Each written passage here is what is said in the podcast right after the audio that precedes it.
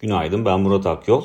Geçen hafta FED toplantısının ardından risk iştahının daraldığını görüyoruz ki özellikle de e, sıkı para politikalarına yönelik endişelerin yatırımcıların daha fazla risk almasını engellediğini söyleyebiliriz. Dün Japonya Merkez Bankası'nın toplantısı vardı. Belki faiz oranlarında herhangi bir değişiklik yapmadı ama getiri eğrisi tavanını yukarı revize etti. Dolayısıyla bu da piyasalarda bir sıkılaşma sinyali, gelecek dönemlerde e, yapılacak sıkılaştırmanın bir sinyali olarak algılandı ve e, yurt dışına özellikle negatif yansıdı. İçeride ise çok daha farklı bir tablo söz konusu. Yurt dışındaki zayıflığa ve bankacılık sektöründeki volatiliteye karşın dün bir kez daha iyimserliğin ön planda olduğunu gördük.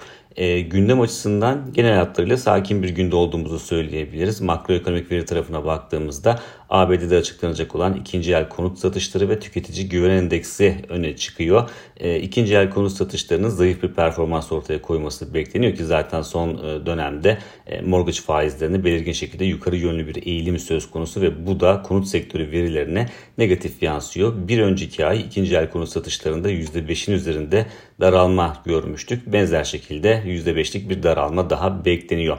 Tüketici güven endeksine baktığımızda ise aslında orada bir toparlanma öngörülüyor. 100.2'den 101 seviyesine doğru bir yükseliş bekleniyor ama e, faizlerdeki yukarı yönlü eğilim ve bunun yanında enflasyonun yönünü aşağı çevirmiş olmasına karşın hala e, dirençli kalmaya devam etmesi e, satın alma gücünü negatif etkileyen bir unsur olduğu için aslında burada da negatif bir sürpriz olma ihtimalini göz önünde bulundurmak gerekir. İçeride ise siyasi tarafa baktığımızda e, bütçe görüşmelerinin sona ermesiyle birlikte partilerinde e, grup toplantıları yeniden başladı. Bugün de e, Cumhurbaşkanı Erdoğan'ın saat 11.45'te konuşması bekleniyor.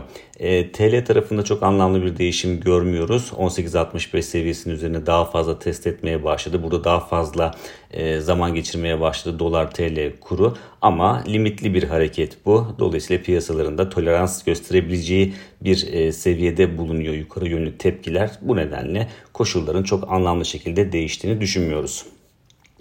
Borsa İstanbul'a baktığımızda ise önceki gün e, bankacılık endeksi öncülüğünde son derece güçlü bir eğilim sergilenmişti. Dün de tam tersi oldu. Bankacılık sektörü endeks üzerinde baskı oluşturan bir unsur olarak çalıştı ama geri çekilmeleri endeks 5300 puan seviyesinin üzerinde rahatlıkla karşılamayı başardı. Bu seviyenin üzerinde kalındıkça yukarıda 5550 puan seviyesine doğru hareket edilmesinin önünde anlamlı bir engel görmüyoruz. Ama şu var ki yurt dışında zayıflığın devam etmesi durumunda bir, e, bir noktada belli bir noktada artık bunun e, Borsa İstanbul açısından da limitleyici bir unsur olarak çalışabileceğini göz önünde bulundurmak gerekiyor. Dolayısıyla yurt dışı görünümü de yakından takip etmeyi sürdürüyoruz. Bir sonraki podcast'te görüşmek üzere.